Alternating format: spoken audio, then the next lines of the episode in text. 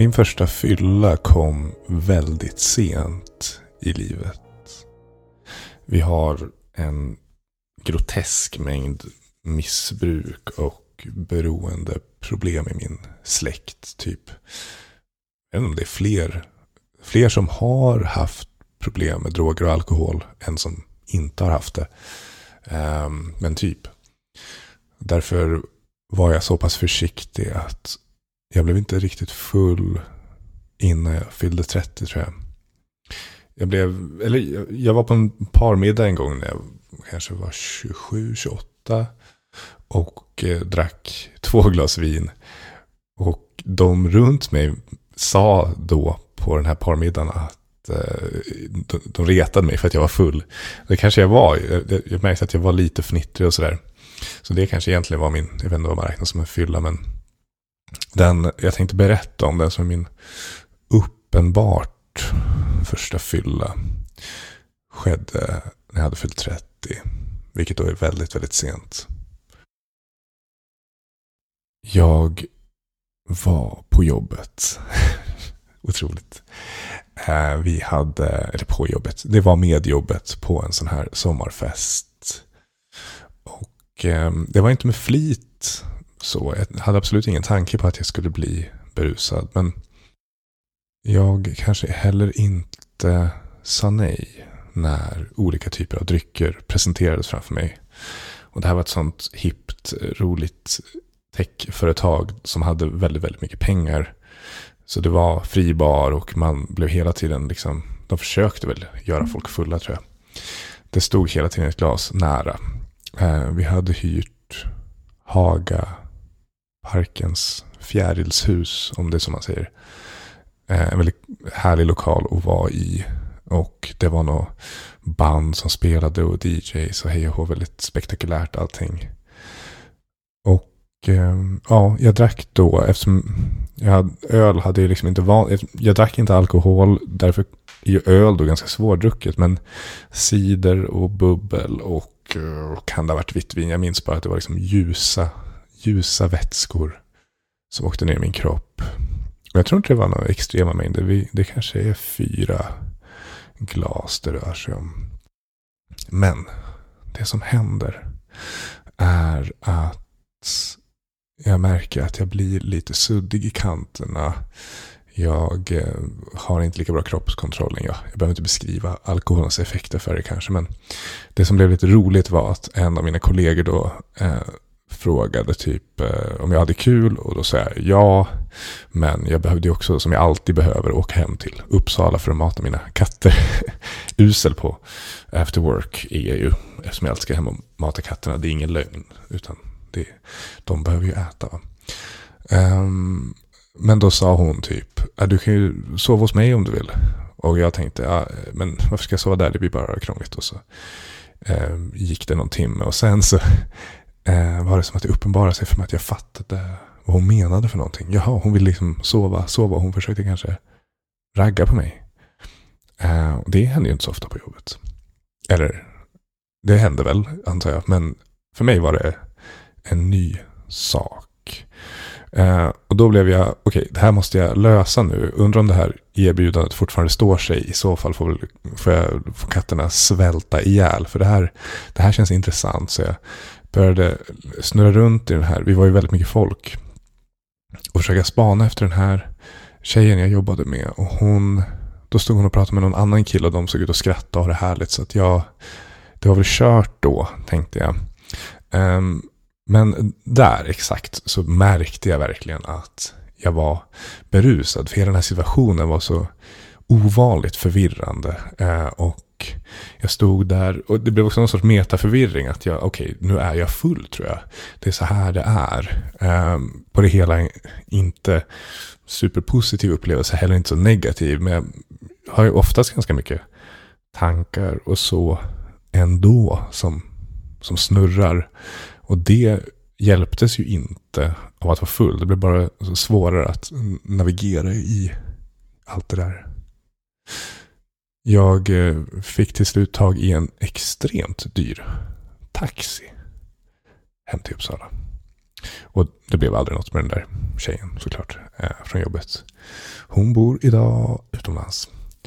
Um, anyway, det tror jag var min första fylla. Jo, just det, när jag kom hem. Det här var också intressant då, att jag skulle gå och lägga mig. Eh, när jag kom hem då klockan två på natten eller någonting. Och det var ju fruktansvärt. Alltså försöka somna berusad. Samt lite så här eh, ångest eller ånger eller någonting över hela den där scenariot som spelade upp sig i mitt huvud av vad jag hade eventuellt gjort fel eller hur jag borde ha gjort och så. Eh, som verkligen var, eh, det blev extra påträngande tycker jag. Så det var ingen härlig första upplevelse av alkohol. Men det, som jag förstått det så har väl typ ingen det. Det verkar inte vara temat för människors första alkoholupplevelser. Man, man kör på ändå. Det var min första fylla. fylla. Jag skulle egentligen ha pratat om Annie Ernaux bok Happiness den här veckan. Men eh, hon, den, eh, jag har typ inget att säga. Den var bra. Den är väl värd att läsa. Framförallt för att den är jättekort. Um, hon vann Nobelpriset förra året i, i litteratur. Um, vad? Ja, den var välskriven. Jag vet fan, jag kan inte, jag kan inte wastea era öron och 15 minuter med att prata om den. För jag har ingenting intressant att säga. Men läs den om du vill läsa en Nobelpristagare och inte har så mycket tid. Det tar typ en kväll att läsa den. Det är lite orättvist mot alla författare typ. Um, att jag menar, jag som läsare tar upp en bok och tänker, jaha, det här är Nobelpris, alltså det här är det bästa i hela världen. Det sätter ribban så himla högt. Det är svårt för någon bok att leva upp till det. Därför tänker jag att man kommer in med typ fel infallsvinkel i, i en Nobelpristagares verk. De förlorar nog på det kanske. Eller de säljer väl svin mycket mer böcker och så som de tjänar och har världens pris. Men själva läsupplevelsen blir definitivt sämre av att man går in med förförståelsen Nobelpristagare. Jag tror inte det är många som kan leva upp till det. Jag tror däremot kanske att jag har något roligare saker att säga om alkohol. Eftersom jag kom in i det sidledes min bild är att alla andra runt mig växte upp in i alkohol liksom naturligt. När man är 15-16 någonting, började dricka. Och jag var ju alltid utanför det där och såg det utifrån och från sidan. Så jag har både sett den grejen och nu dricker jag väl precis som vanliga människor dricker. Vilket jag räknat ut i ungefär sex enheter i veckan. Så pass anal är jag kring mitt drickande att jag försöker hålla koll på hur mycket det blir med tanke på den där tidigare nämnda släkten och beroenden och sådär. En väldigt uppenbar sak vi måste få ur världen är den gymnasiala insikten om hur i helvete kan alkohol vara så accepterat som det är. Man kan dricka hur mycket som helst, när som helst. Medan allting annat, oavsett vilken typ av skador det har eller hur det tillverkas, är alltid, alltid uselt och värdelöst ur samhällets synvinkel. Det är som att alla tappar sin förmåga att tänka rationellt kring detta. Och det är beklagligt och tråkigt. Men jag tror inte jag ska lägga ut texten mer än så. Jag tror att vi kommer tänka på det där ungefär som vi tänker på typ eh, någon på 50-talet som växte upp och hatade homosexuella. För att, jag menar jag hade hatat homosexuella säkert. Om jag växte upp på 50-talet. För man är en del av en kultur. Man tänker liksom inte själv. Man tycker bara någonting är farligt och läskigt. Eller som vi tänker på industriell djurproduktion idag. Kommer man ju säkert också. Eh, våra barnbarn kommer ju tycka det är helt barbariskt och idiotiskt. Och på samma sätt kommer man ju såklart inte begripa varför alkohol var så otroligt accepterat. Alltså, det är ju bara med glädje och positivitet folk förknippar det. Typ, man kan göra det på jobbet.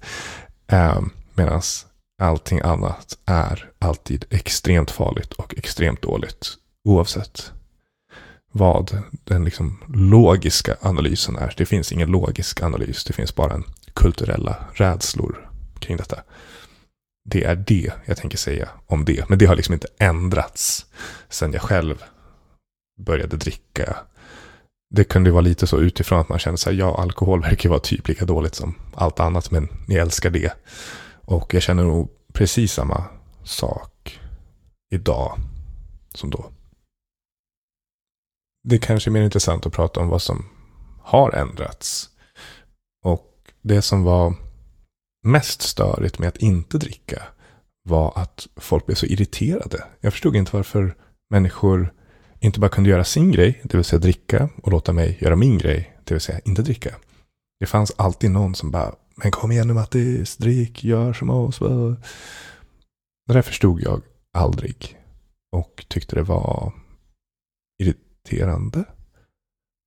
Och nu, det här är ju kanske hemskt, men jag fattar verkligen nu vad de menar. Om man sitter och eh, ska ha en kväll där man liksom eh, ska, mm, jag vet inte, släppa lös. Vad betyder det? Kanske inte vara så kontrollerad. Kanske låta kvällen utveckla sig själv, se vad som händer både i det stora, det vill säga vart ska vi gå, var hamnar vi och vad händer där. Men också i det lilla, alltså samtalet och interaktionerna.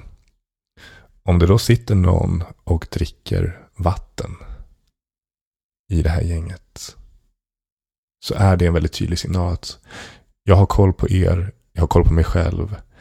Kanske också, behöver inte vara en dömande person nödvändigtvis, men den har i alla fall förmågan att döma, för den kommer ju inte göra bort sig på något sätt. Så att ramarna tajtas ju till för alla om en person inte dricker varje kväll behöver absolut inte bli en sån kväll. Kanske ska inte bli en sån kväll där ramarna är lösa. Men då och då så känner man för det. Och då krävs det att alla liksom checkar in i kvällen. Det behöver inte betyda att den personen gör någonting särskilt, säger dumma saker eller dansar på bordet, utan bara att möjligheten finns där. Att man vågar blotta sig, kanske. Våga vara dum, våga göra fel min egen rädsla då för en beroende och missbruk och sådär, vad, vad har det blivit? Nu har jag druckit i fem år då, typ. Um, min största fuck-up tror jag var att jag stannade kvar alldeles för sent på en fest jag var. Det hade jag fruktansvärd ångest över. Eh, dagarna, pluralis, efter. Det var helt enkelt så att festen var över jag satt och pratade med en av värdarna, värdinnorna. Och eh, jag märkte liksom inte att alla hade dragit.